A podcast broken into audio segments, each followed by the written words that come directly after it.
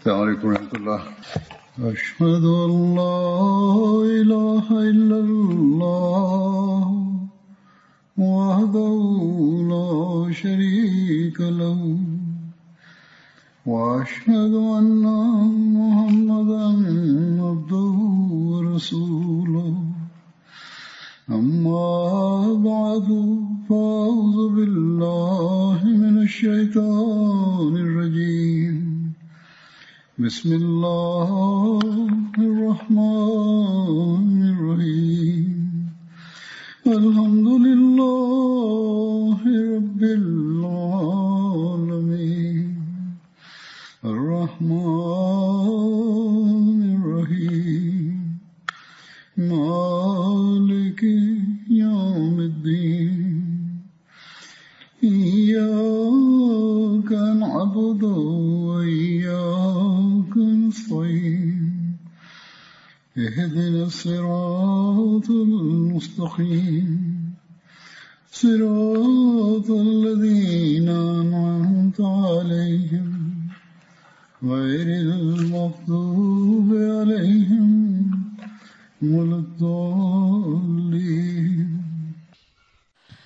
2022ခုနှစ်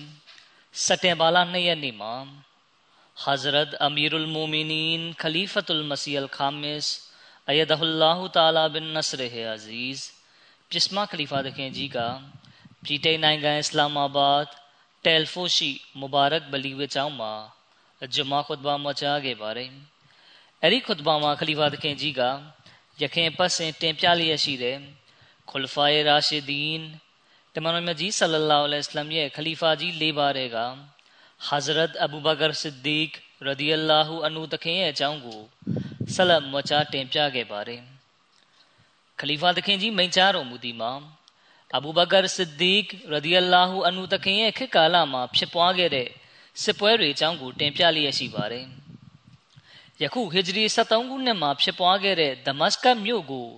ဒီန်တမန်တော်မြတ်ကြီးဆလလောလဟ်အလัยဟိဝါစလမ်ရဲ့ခလီဖာကြီး၄ပါးတဲ့က Hazrat Abu Bakr Siddiq ရဒီအလာဟူအနုတခင်ရဲ့အကြောင်းကိုဆက်လက်မွချတင်ပြခဲ့ပါတယ်ခလီဖာသခင်ကြီးမိန့်ကြားတော်မူသည်မှာအဘူဘကာဆစ်ဒီကရဒီအလာဟူအနုတခင်ရဲ့ခေတ်ကာလမှာဖြစ်ပွားခဲ့တဲ့စစ်ပွဲတွေအကြောင်းကိုတင်ပြလျက်ရှိပါတယ်ယခုဟစ်ဂျရီ73ခုနှစ်မှာဖြစ်ပွားခဲ့တဲ့ဒမတ်စကတ်မြို့ကိုအောင်နိုင်သိမ့်ပိုက်ခြင်းအကြောင်းနဲ့ဆက်နွယ်ပြီးအသေးစိတ်အချက်လက်တွေကိုတင်ပြပါမယ်ဒီစစ်ပွဲကအဘူဘကာတခင်ရဲ့ခီလာဖတ်ကာလမှာဖြစ်ပွားခဲ့တဲ့နောက်ဆုံးစစ်ပွဲလည်းပဲဖြစ်ပါတယ်။ဒမတ်စကတ်မြို့ရဲ့ပထဝီနေထားနဲ့ပတ်သက်ပြီးဖော်ပြလာရှိပါတယ်။ဒမတ်စကတ်မြို့ကစီးရီးယားနိုင်ငံရဲ့ရှေးကျတဲ့မြို့ဟောင်းတစ်ခုဖြစ်တယ်လို့တမိုင်းဝင်မြို့တစ်ခုလည်းဖြစ်ပါတယ်။ကနဦးကာလမှာဒမတ်စကတ်မြို့ကရုပ်စင်းတို့ကိုးကွယ်တဲ့အချက်ချာမြို့တစ်ခုဖြစ်ပါတယ်။ ဒါပေမဲ့ဒမတ်စကတ်မြို့ကိုခရစ်ယာန်သာသနာဝင်ရောက်လာပြီးနောက်ရုပ်စင်းတုတွေနေရာမှာချက်ကြောင်းတွေကိုတိစောက်လိုက်ကြပါတယ်။ဒမတ်စကတ်မြို့ကကုံသွဲစီးပွားရေးလုပ်ငန်းလုပ်ကိုင်ရာအလွန်အရေးပါပြီးအချက်ချာကြတဲ့မြို့တစ်ခုလည်းဖြစ်ပါတယ်။အာရဗ်လူမျိုးအများပြားလည်းအဲ့ဒီမှာနေထိုင်ကြပါတယ်။မွတ်စလင်ကုံသွဲခရီးသွားအုပ်စုတွေကဒမတ်စကတ်မြို့ကိုကုံသွဲခရီးထွက်ခွာလေးရှိပါတယ်။ ဒီအတွက်ကြောင့်ပဲမွတ်စလင်တွေကဒမတ်စကတ်မြို့ရဲ့ပထဝီနေထားကိုကောင်းစွာသိကြခြင်းဖြစ်ပါတယ်။ဒမတ်စကတ်မြို့ကရဲတိုက်ခံတပ်တွေများပြားပြီးတတိုင်းကြီးတွေနဲ့ဖွဲ့စည်းတိဆောက်ထားတဲ့မြို့တစ်ခုဖြစ်ပါတယ်။ရေရှည်တည်တံ့ပြီးခိုင်ခန့်လုံခြုံမှုရှိခြင်းတို့ကြောင့်ဒမတ်စကတ်မြို့ကထူးခြားတဲ့မြို့တစ်ခုဖြစ်ရှိခဲ့ပြီးမြို့တတိုင်းတွေကိုအလွန်ကြီးမားခိုင်ခန့်တဲ့ကြောက်တုံးတွေနဲ့ဆောက်လုပ်ထားခြင်းဖြစ်ပါတယ်။တတိုင်းရဲ့အမြင့်က6မီတာရှိပြီး အလွန်ကြီးမားခိုင်ခန့်တဲ့တကရွက်ကိုတက်ဆင်ထားပါတယ်။တကားရဲ့ပြက်က3မီတာရှိပြီးတကားကိုလည်းအလွန်ခိုင်ခန့်လုံခြုံစွာပိတ်ထားတတ်ပါတယ်။တတိုင်းရဲ့လေးဘက်လေးတန်မှာအလွန်နှက်တဲ့ကျုံမြောင်းတွေကိုလည်းတူးထားပါတယ်။ကျုံမြောင်းရဲ့အကျယ်ဝန်းက3မီတာရှိပါတယ်။အဲ့ဒီကျုံမြောင်းကိုအမြဲမပြတ်မြစ်ရည်တွေနဲ့ဖြည့်ထားပါတယ်။ဒီလိုအချင်းရာတွေကြောင့်ပဲဒမတ်စကတ်မြို့ဟာအလွန် အလွန်ခိုင်ခန့်ပြီးလုံခြုံမှုရှိတဲ့မြို့တစ်ခုဖြစ်ထင်ရှားကြော်ကြားရခြင်းဖြစ်ပါတယ်။ဒါကြောင့်အဲ့ဒီမြို့ကိုအလွယ်တကူဝင်ရောက်ဖို့ဆိုတာမဖြစ်နိုင်ပါဘူး။အဘူဘကာတခင်ကစီးရီးယားကိုစစ်ချီဖို့အတွက်စစ်တပ်အသီးသီးကိုဆေလွတ်တဲ့အခါအဘူအိုဘိုင်ဒါတခင်ကိုစစ်တပ်တစ်ခုရဲ့စစ်ဦးစီးချုပ်အဖြစ်ခန့်အပ်လျက်ဟစ်မြို့သို့တွားရောက်ဖို့ဆေလွတ်ခဲ့ပါတယ်ဟစ်မြို့ကဒမတ်စကတ်မြို့အနီးမှာတည်ရှိပြီး စီးရီးယားနိုင်ငံရဲ့ရှေးကျပြီးအလွန်ကြီးမားကျယ်ဝန်းတဲ့မြို့တစ်ခုဖြစ်ပါတယ်အဘူဘကာတခင်ရဲ့လမ်းညွှန်ချက်နဲ့အညီခါလစ်ဘင်ဝလီတခင်ကလည်းဒမတ်စကတ်မြို့ကိုရောက်ရှိပြီးအစ္စလမ်စစ်တပ်နဲ့အတူဒမတ်စကတ်မြို့ကိုဝိုင်းရန်ပိတ်ဆို့ထားလိုက်ပါတယ်။ဒမတ်စကတ်မြို့သားတွေကရဲတိုက်နိုင်ရန်တွေပေါ်တက်ပြီးမွတ်စလင်တွေကိုကြောက်ခဲတွေမြားတွေနဲ့ပစ်ခတ်ပါတယ်။မွတ်စလင်တွေကတရေနဲ့ပြုတ်လုထားတဲ့ဒိုင်းတွေအဖြစ်ပြစ်ခတ်လာသောကြောက်ခဲတွေမြားတွေကို ခုခံကာကွယ်ခဲ့ကြပြီးအခွင့်အရေးရတာနဲ့ရန်သူဘက်သို့မြားတွေနဲ့ပြန်လည်ပြစ်ခတ်ပါတယ်ဒီလိုနဲ့ရပ်ပေါင်း20လွန်မြောက်လာခဲ့ပေမဲ့ထူးခြားတဲ့ရလဒ်တစ်ခုထွက်ပေါ်မလာခဲ့ပါဘူးဒမတ်စကတ်မြို့သားတွေကရဲတိုက်ခံတပ်ထဲရေရှည်ပိတ်မိနေတာကြောင့်အကြက်တဲဆိုင်နေကြပါတယ်ဒါပြင်အပြင်ကိုလည်းထွက်လာလို့မရတာကြောင့်ရိတ်ခါကလည်းပြက်လက်လာပါတော့တယ်ဘာကြောင့်လဲဆိုရင်ဒမတ်စကတ်မြို့သားတွေရဲ့ရဲတိုက်အပြင်ဘက်မှာ သူတို့ရဲ့စိုက်ခင်းတွေရှိပြီးသူတို့ကရဲတိုက်တွင်ပိတ်မိနေတာကြောင့်စိုက်ခင်းကိုတွားရောက်မကြည့်ရှုနိုင်ပဲကောက်ပဲတီးနှံတွေပျက်စီးသွားတာကြောင့်ပါပဲဒီတော့အစာရိတ်ခါပြက်လက်ပြီးရက်ရှည်ပိတ်လောင်ခံထားရတာကြောင့်ဒမတ်စကတ်သားတွေအခက်ခဲဒုက္ခစိုက်နေပါတော့တယ်ဒမတ်စကတ်မြို့ကိုဝိုင်းရန်ပိတ်ဆို့ထားတာရက်20လွန်မြောက်လာတဲ့အခါဟီရာကလီယက်ကအဂျနာဒိုင်းမှာအလွန်များပြားတဲ့ယောမစစ်သားတွေကိုစုဆောင်းပြီးဖြစ်ကြောင်း မွတ်စလင်တွေကသတင်းရလိုက်ပါတယ်ဒီသတင်းကိုကြားတဲ့အခါခါလစ်တခင်ကရှေးဘက်ကနေထွက်ခွာလျက်ဂျာဘီယာမှာရှိတဲ့အဘူအိုဘိုင်ဒါတခင်ရဲ့စစ်တပ်ကိုတက်ကူပေးဖို့ရောက်လာပါတယ်ဒီနောက်စစ်မျက်နှာပြင်အနေအထားကိုကြည့်ရှုသုံးသပ်ပြီးခါလစ်တခင်ကမိမိရဲ့အမြင်ကိုအခုလိုတင်ပြပါတယ်ကျွန်တော်တို့အနေနဲ့ဒမတ်စကတ်မြို့ကိုဝိုင်းရန်ပိတ်ဆို့ထားမှုမှခိတဆွန့်ခွာပြီးအဂျနာတိုင်းမှာရှိတဲ့ယောမစစ်တပ်နဲ့ရင်ဆိုင်ဖို့ထွက်ခွာကြမယ် အကယ်၍လက်ရှမြက်ကကျွန်တော်တို့ကိုအောင်နိုင်မှုပေးတယ်ဆိုရင်ဒမတ်စကတ်မြို့ကိုပြန်လာပြီးအဲ့ဒီချိန်ကျမှဒမတ်စကတ်ကိစ္စကိုဖြေရှင်းကြမယ်အဘူအိုဘိုင်ဒါတခင်ကကျွန်ုပ်ရဲ့အမြင်ကတော့ဒါနဲ့ဆန့်ကျင်ဘက်ဖြစ်ပါတယ်။ဘာကြောင့်လဲဆိုရင်ရက်20တိုင်ရဲတိုက်ထဲဝိုင်းရန်ပိတ်ဆို့ခြင်းခံထားရတာကြောင့်ဒမတ်စကတ်မြို့သားတွေကခြေကုံလက်ပန်းကျလာကြပြီးကျွန်တော်တို့ကသူတို့ကိုကောင်းစွာစီးမိုးထားနိုင်ပြီဖြစ်တယ်။တကယ်လို့ကျွန်တော်တို့ကသာ ဒီနေရာကနေဖယ်ခွာပြီးယောမသားတွေနဲ့ရင်ဆိုင်ဖို့ထွက်သွားမယ်ဆိုရင်သူတို့ကိုလွတ်လန်းဖွင့်ပေးသလိုဖြစ်သွားပါလိမ့်မယ်။ဒါရင်မကရဲတိုက်တွင်းမှာသူတို့ကအစာရိတ်ခါအမြောင်များကိုလည်းတူလောင်ထားကြနိုင်လိမ့်မယ်။အကယ်၍ကျွန်တော်တို့ကသာအဂျနာတိုင်းမှာတိုက်ပွဲဝင်ပြီးဒမတ်စကတ်ကိုပြန်လာခဲ့မယ်ဆိုရင်သူတို့ဟာကာလရှည်တိုင်ကျွန်တော်တို့ကိုရင်ဆိုင်တိုက်ခိုက်ဖို့အတွက်စွမ်းအားရသွားကြလိမ့်မယ်ဆိုပြီးတင်ပြပါတယ်။ဒီခါခါလစ်တခင်က အဘူအိုဘိုင်ဒါရဲ့အကြံဉာဏ်ကိုသဘောတူလက်ခံခဲ့ပြီးရဲတိုက်ကိုဆက်လက်ပိတ်ဆို့ဝိုင်းရန်ထားခဲ့ပါတယ်။ဒီနောက်ဒမတ်စကတ်မြို့ရှိရဲတိုက်တကပေါက်အသီးသီးမှာစောင့်ကြပ်နေကြတဲ့မွတ်စလင်စစ်တပ်မှတပ်ဆိုင်ရာခေါင်းဆောင်တွေကိုခါလစ်တခင်ကအားလုံးမိမိတို့ရှိနေတဲ့တပ်ဆိုင်ရာဘက်အချမ်းတွေကနေအပြင်းထန်တိုက်ခိုက်ဖို့မှာချပါတယ်။ခါလစ်တခင်ရဲ့အမိန့်ကိုနာခံပြီးမွတ်စလင်စစ်တပ်ကအဖက်ဖက်ကနေအပြင်းထန်တိုက်ခိုက်ပါတော့တယ်။ ဒီလိုနဲ့ဒမတ်စကတ်မြို့ကိုဝိုင်းရန်ပိတ်ဆို့ထားတာ21ရက်လွန်မြောက်သွားခဲ့ပါတယ်ခါလစ်တခင်ကတိုက်ပွဲဝင်နေကြတဲ့မွတ်စလင်တွေကိုတိုက်ပွဲဝင်စိတ်သက်မြင့်တက်လာအောင်စိတ်ခွန်အားပေးလျက်ကိုယ်တိုင်ကလည်းအရှိဘမှနေ၍အပြင်းထန်ဆက်လက်တိုက်ခိုက်နေပါတယ်ဒမတ်စကတ်မြို့သားတွေအားလုံးခြေကုံလက်ပန်းချလာပြီးဟီရာကလီယက်ရဲ့စစ်ကူအလာကိုစောင့်ဆိုင်နေကြပါတယ်ခါလစ်တခင်ကဆက်ပြီးခြေလျင်တိုက်ခိုက်လျက်ရှိနေတယ် ခါလီတခင်ကစစ်ပွဲထဲမှာအပြည့်အဝအာယုံရောက်နေစဉ်ယောမစစ်သားတွေကရဲတိုက်နိုင်ရန်ပေါ်ကနေရုတ်တရက်လက်ခုပ်တီးပြီးကခုံမြူးထူးနေကြပါတယ်မွတ်စလင်တွေကသူတို့ကိုတန်တောနဲ့ကြည်နေကြပါတယ်အဲ့ဒီချိန်ခါလစ်ဘင်ဝလီတခင်ကအခြားတစ်ဖက်ကိုကြည်ရာကြီးမားတဲ့တိမ်တိုက်ကြီးတစ်ခုကိုတွေးလိုက်ရပါတယ်ခဏကြာမှကောင်းငင်တစ်ခုလုံးမှောင်မိုက်သွားပါတယ်နေ့အချိန်မှာပင်ကောင်းငင်တစ်ခုလုံးကအမောင်လွှမ်းသွားတာကိုမြင်တွေ့ခဲ့ရပါတယ် ဒါကိုမြင်ပြီးခါလစ်သခင်ကဒမတ်စကတ်မြို့သားတွေကိုစစ်ကူပေးဖို့ဟီရာကလီယက်ရဲ့စစ်တပ်လာနေပြီဖြစ်ကြောင်းချက်ချင်းနားလည်လိုက်ပါတယ်ခဏကြာမှပဲသတင်းပေးတွေကတောင်ရဲ့ဂျိုင်ဝမ်တစ်ဖက်မှာစစ်တပ်တစ်ခုစုယုံရောက်ရှိနေတာကိုတွေ့ခဲ့ရတယ်မလွဲမသွေဒါကယောမစစ်တပ်ပဲဖြစ်ရမယ်ဆိုပြီးအကြောင်းကြားလာပါတယ်ခါလစ်သခင်ကချက်ချင်းပဲရောက်လာပြီးအဘူအိုဘိုင်ဒါကိုအခြေအနေအလုံးစုံအတိပေးပြောပြလျက် ကျွန်ုပ်အနေနဲ့စစ်တီအားလုံးကိုခေါ်ပြီးဟီရာကလီရဲ့ဆင်လွတ်တဲ့စစ်တပ်နဲ့တွားရောက်စစ်ချီတိုက်ခိုက်ဖို့ဆန္ဒရှိပါတယ်။ဒါနဲ့ပတ်သက်ပြီးအသင်းရဲ့အမြင်ကဘယ်လိုရှိပါသလဲဆိုပြီးမေးပါတယ်။အဘူအိုဘိုင်ဒါသခင်က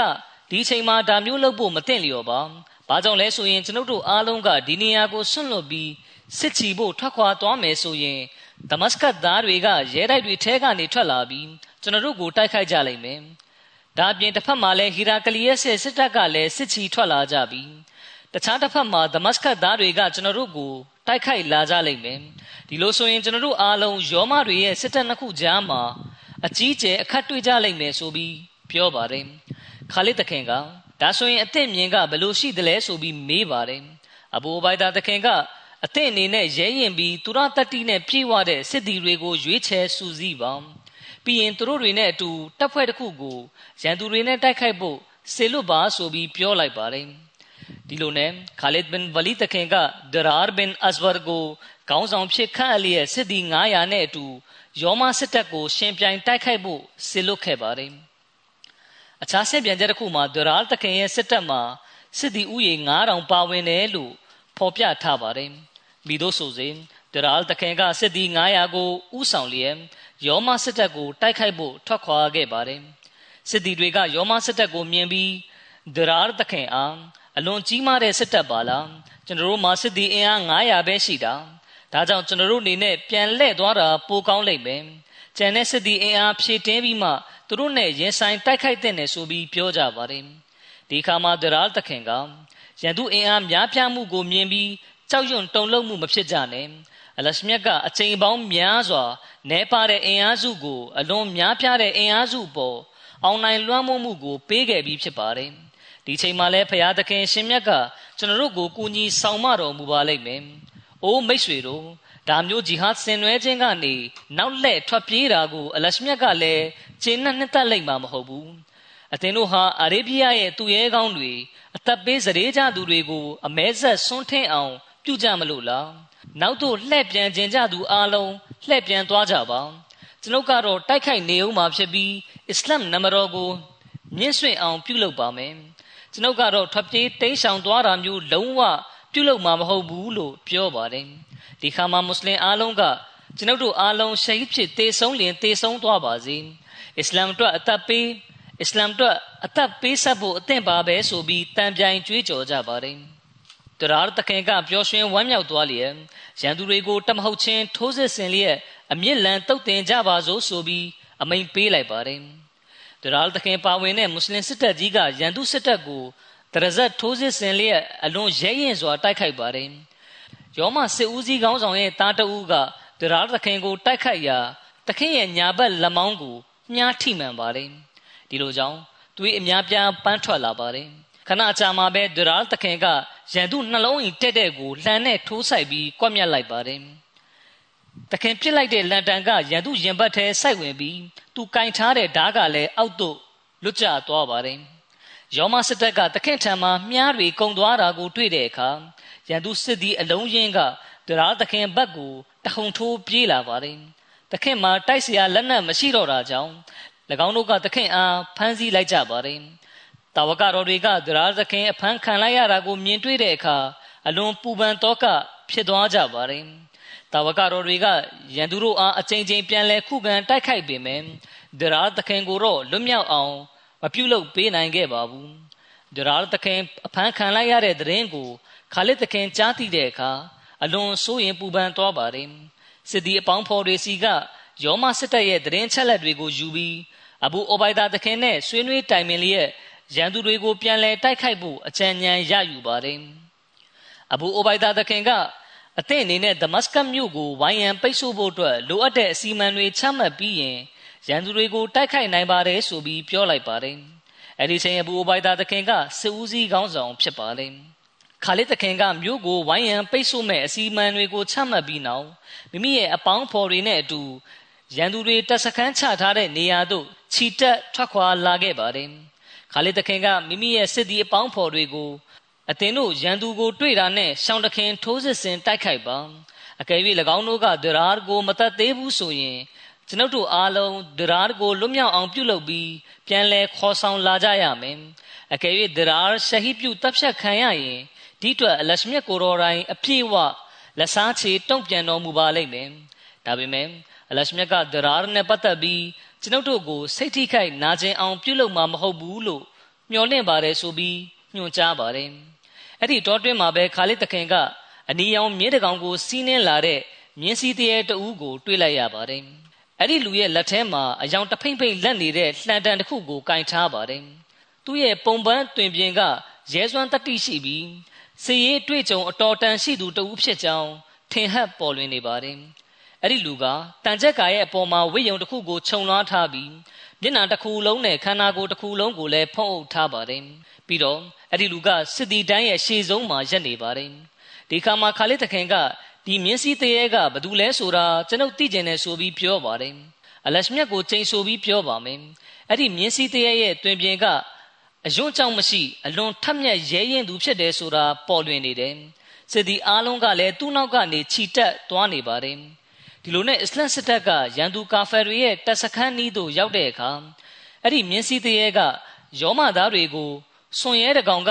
ငှက်တွေကိုထိုးတုပ်တယ်လို့တိုက်ခိုက်ထိုးခုတ်နေတာကိုလူတွေအားလုံးမြင်တွေ့ခဲ့ရပါတယ်။သူ့ရဲ့အရှိန်ဟုန်ပြင်းစွာ ထိုးခုတ်တိုက်ခိုက်မှုကိုမြင်ပြီး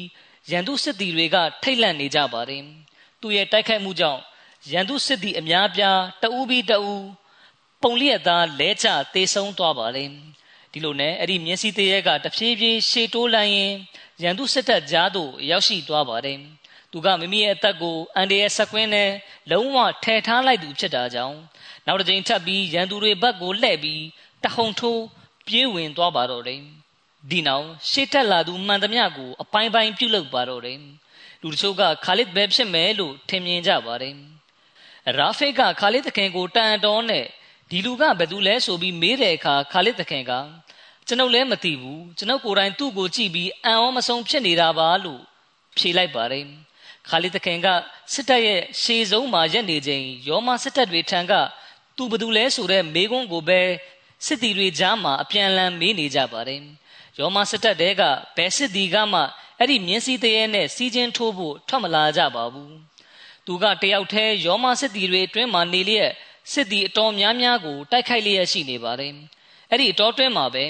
ခါလစ်တခင်ကရန်သူတွေကိုထိုးခုတ်ပြီးအဲ့ဒီမြင်းစည်းတရေကိုရန်သူစီးဝိုင်းမှကဲထုတ်ခဲ့ပါတယ်။ဒီနောက်အဲ့ဒီမြင်းစည်းတရေကအစ္စလမ်စစ်တပ်ရှိရာဘတ်ချမ်းကိုရောက်ရှိလာပါတယ်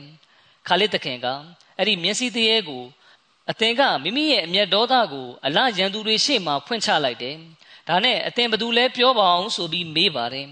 ဒါပေမဲ့မျက်စိတရေကဘာမှပြန်မဖြေပါဘူးတောင်းကြမှာပဲသူကတဖန်ထပ်ပြီးစစ်တိုက်ဖို့အသင်ပြင်လိုက်ပါတယ် ခါလစ်တခင်ကအိုးအလားရဲ့စီတော့အသင်ကကျွန်ုပ်ကိုရောမွတ်စလင်တွေကိုပါစိတ်ပူပန်မှုတွေထဲသွင်းလိုက်တာပဲအသင်ဘာကိုမှအရေးမဆိုင်ပါလားအသင်ဘသူလဲကျွန်ုပ်ကိုပြောပါဆိုပြီးမေးပြန်ပါတယ်ဒီခါမှာအဲ့ဒီမြင်းစည်းတရေကကျမကသခင်ကိုမနာခံတဲ့အတွက်ဖြေဖို့ညှင်းဆန်နေခြင်းမဟုတ်ပါတကယ်တော့ကျမဖြေဖို့ရှက်ရွံ့နေတာကြောင့်ပါဘာကြောင့်လဲဆိုတော့ကျမကယောက်ျားတဦးမဟုတ်ပဲအမျိုးသမီးတဦးဖြစ်နေလို့ပါနာကျင်နေတဲ့ကျမရဲ့နှလုံးသားက ကျမကိုဒီစစ်ပွဲထဲခုံဆင်းဖို့တွန်းအားပေးခဲ့တာပါဆိုပြီးပြောပါတယ်အစ္စလမ်မျိုးသမီးတွေကလည်းမိမိတို့ရဲ့ရဲစွမ်းတတ္တိရှိခြင်းဆိုင်ရာစံနမူနာကို ပြသခဲ့ကြပါတယ်။ခါလစ်တခင်ကအတင်မဘသူလဲဆိုပြီးမေးရာသူမကကျမကဒရာရဲ့ညမခေါလာဘင်တေအဇဝရဘာ ကျမအကိုအဖမ်းခံရတယ်ဆိုတာကိုကြားသိရတဲ့အတွက်တခင်မြင်တဲ့အတိုင်းပဲကျမခုလိုစစ်စင်ရွဲနေခြင်းဖြစ်ပါတယ်ဆိုပြီးပြန်ဖြေပါတယ်။ဒီစကားကိုကြားတော့ခါလစ်တခင်ကကျွန်ုပ်တို့အားလုံးစုပေါင်းပြီးအတူတကွတိုက်ခိုက်ကြတဲ့နဲ့ရန်သူတွေရဲ့ဖမ်းဆီးမှုကနေဒရာကိုကဲတင်နိုင်လိမ့်မယ်လို့အလရှမြတ်ထံကျွန်ုပ်မျှော်လင့်မိပါတယ်ဆိုပြီးပြောပါတယ်ဒီခါမှာခေါလာကကျမလည်းတိုက်ပွဲမှာအတူတကွပါဝင်ပါမယ်ဆိုပြီးပြောပါတယ်ဒီနောက် ခါလေတခင်ကအလွန်ပြင်းထန်စွာထိုးခုတ်တိုက်ခိုက်ပါတယ်ယောမစစ်တီတွေကခြေမခိုင်တော့ဘဲရိမ့်ရိုင်းပြိုဆင်းလာပြီးကစင့်ကလေးအားဖြစ်သွားကြပါတယ်ရာဖိကမိမိရဲ့ရဲစွမ်းတတိရှိမှုကိုပြသခဲ့ပြီးမွတ်စလင်တွေကလည်းတဖန်ထပ်ပြီးအပြည့်အဝဆစ်ဆင်နွဲဖို့အသင့်ဖြစ်သွားကြပါတယ်ဒီလိုနဲ့ရန်သူဘက်ကမြင်းစီစစ်သည်တချို့ကရုတ်တရက်မြင်းတုံးဆိုင်စီး၍နှုတ်ကနေပြင်ငိမ့်မှုယူမဲ့အကြောင်းပြောရင်းမွတ်စလင်စစ်တပ်ရှိရာဘက်သို့ တဟုန်ထိုးဝင်ရောက်လာကြပါတယ်ဒီခါခါလစ်တခင်ကသူတို့ကိုပြင်ငိမ့်မှုပေးမဲ့အကြောင်းပြောပြီးကျွန်ုပ်စီခေါ်လာပါဆိုပြီးပြောလိုက်ပါတယ်မြင်းစီစစ်သည်တွေရောက်ရှိလာတဲ့အခါခါလစ်တခင်ကသူတို့ကိုအသင်တို့ကဘသူတွေလဲလို့မေးပါတယ်မြင်းစီစစ်သည်တွေကကျွန်တော်တို့ကယောမစစ်သားတွေဖြစ်ပြီး Hims မြို့မှာနေထိုင်သူတွေဖြစ်ပါတယ်။ဒီကိုပြင်ငိမ့်မှုယူဖို့လာရောက်ခြင်းဖြစ်ပါတယ်ဆိုပြီးပြန်ဖြေပါတယ်။ခါလစ်သခင်က ပြင်ငိမ့်မှုကိစ္စကိုတော့ Hims မြို့ရောက်မှဆက်လက်ဆောင်ရွက်ပါမယ်။ဒီနေရာမှာတော့စစ်ပွဲမပြီးမချင်းပြင်ငိမ့်မှုယူဖို့မဖြစ်နိုင်သေးဘူး။ဒါပေမဲ့အသင်တို့အားလုံးအေးချမ်းစွာနေနိုင်ပါတယ်။အလရှမြတ်ကကျွန်ုပ်တို့အောင်နိုင်ဖို့စီရင်ဆုံးဖြတ်တော်မူရင်ပြင်ငိမ့်မှုကိစ္စကို hymns ရောက်မှဆွေးနွေးကြတာဘောဆိုပြီးမိန့်ကြားပါတယ်ဒီနောက်ခါလစ်တခင်က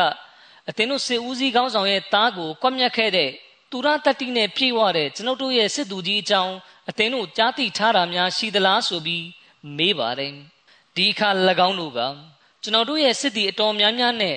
စစ်ဦးစီးကောင်းဆောင်ရဲ့သားကိုကွပ်မျက်ခဲ့တဲ့ခန္ဓာကိုယ်ပေါ်မှာအဝိပ္ပလာနဲ့လူကို ပြောတာပါလားလို့မေးပါတယ်ခါလစ်တခင်ကဟုတ်တယ်သူ့ကိုပဲပြောတာပါဆိုပြီးပြန်ဖြေတယ်ဒီခါမှာ၎င်းတို့ကသူအဖမ်းခံရတဲ့အချိန်မှာဝရဒန်စီကိုရောက်ရှိသွားတယ်ဝရဒန်ကသူ့ကိုမျက်စိစစ်သည်တရားနဲ့အတူပရင်လက်အပ်ဖို့အတွက် his ကိုဖမ်းဆီးခေါ်ဆောင်သွားပါပြီဆိုပြီးဖြေပါတယ်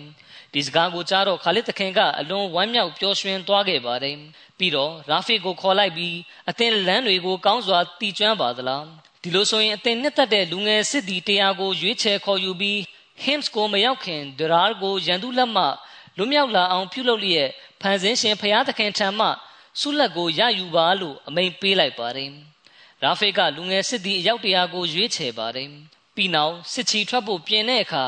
ခေါလာကမိမိလည်းအတူလိုက်ပါဖို့ခါလစ်သခင်ထံမှခွင့်တောင်းပါတယ်ဒီနောက်ရာဖေသခင်ဦးဆောင်တဲ့စစ်သည်အားလုံးက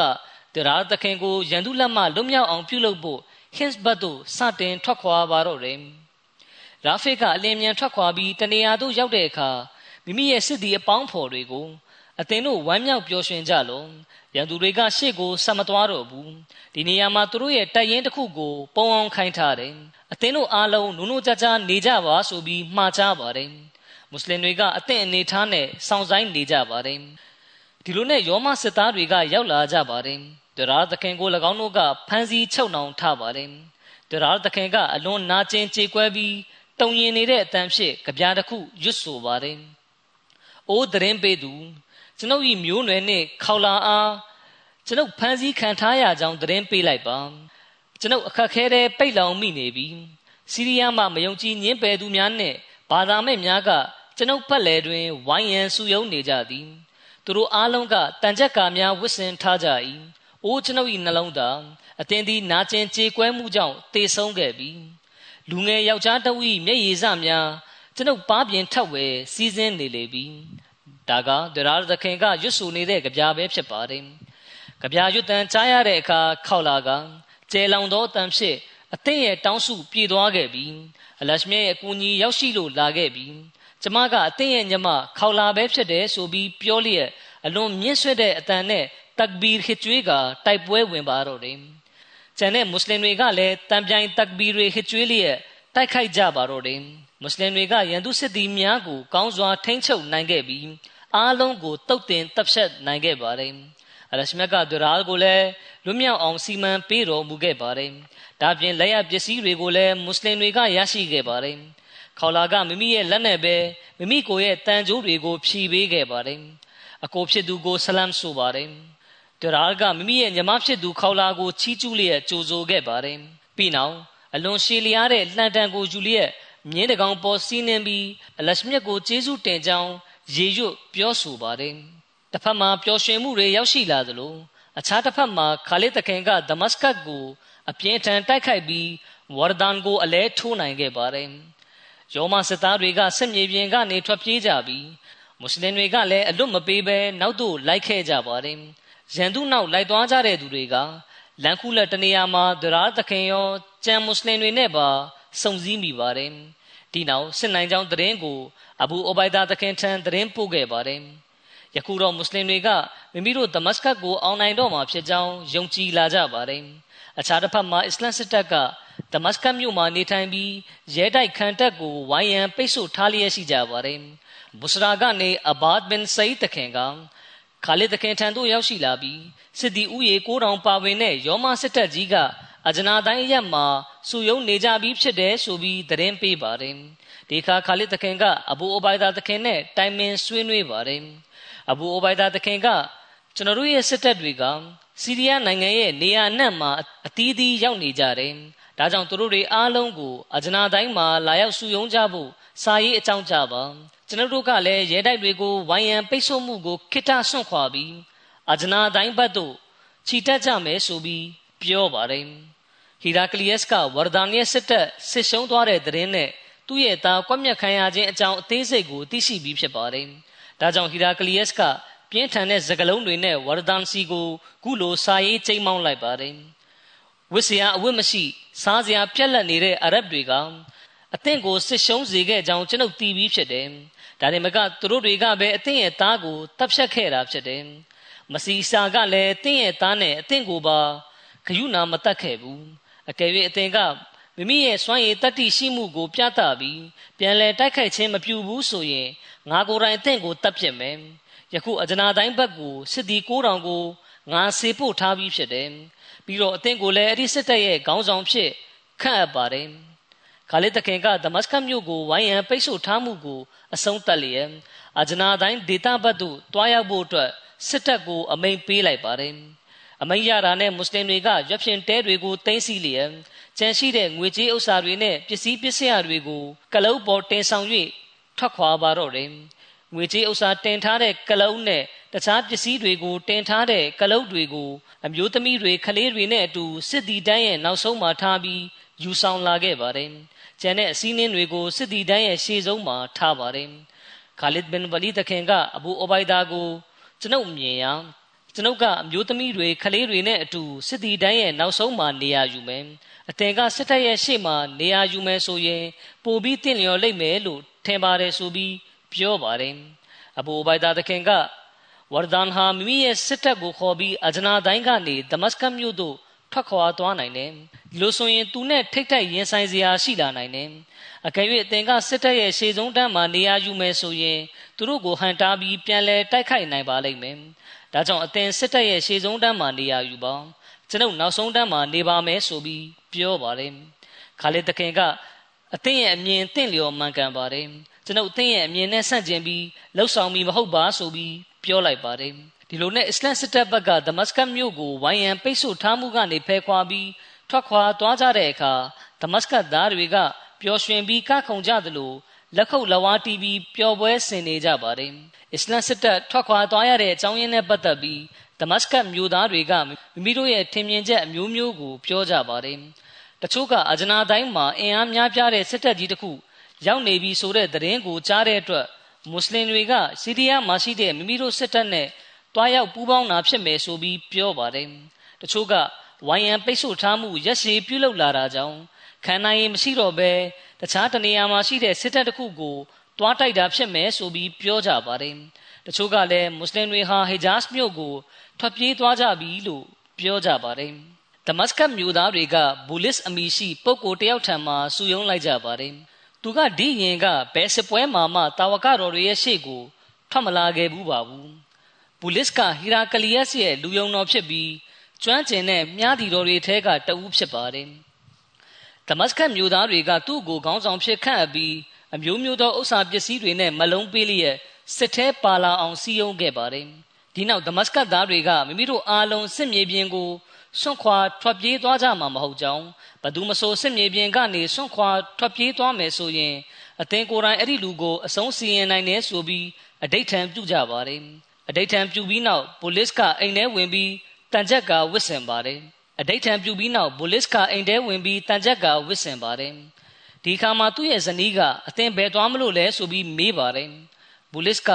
ဒမတ်စကတ်သားတွေကငါ့ကိုခေါင်းဆောင်ဖြစ်ခန့်အပ်လိုက်တယ်ဒါကြောင့်အခုအာရဗ်လူမျိုးတွေနဲ့စစ်တိုက်ဖို့သွားမလို့ပါဆိုပြီးပြောပါတယ်ဇနီးဖြစ်သူက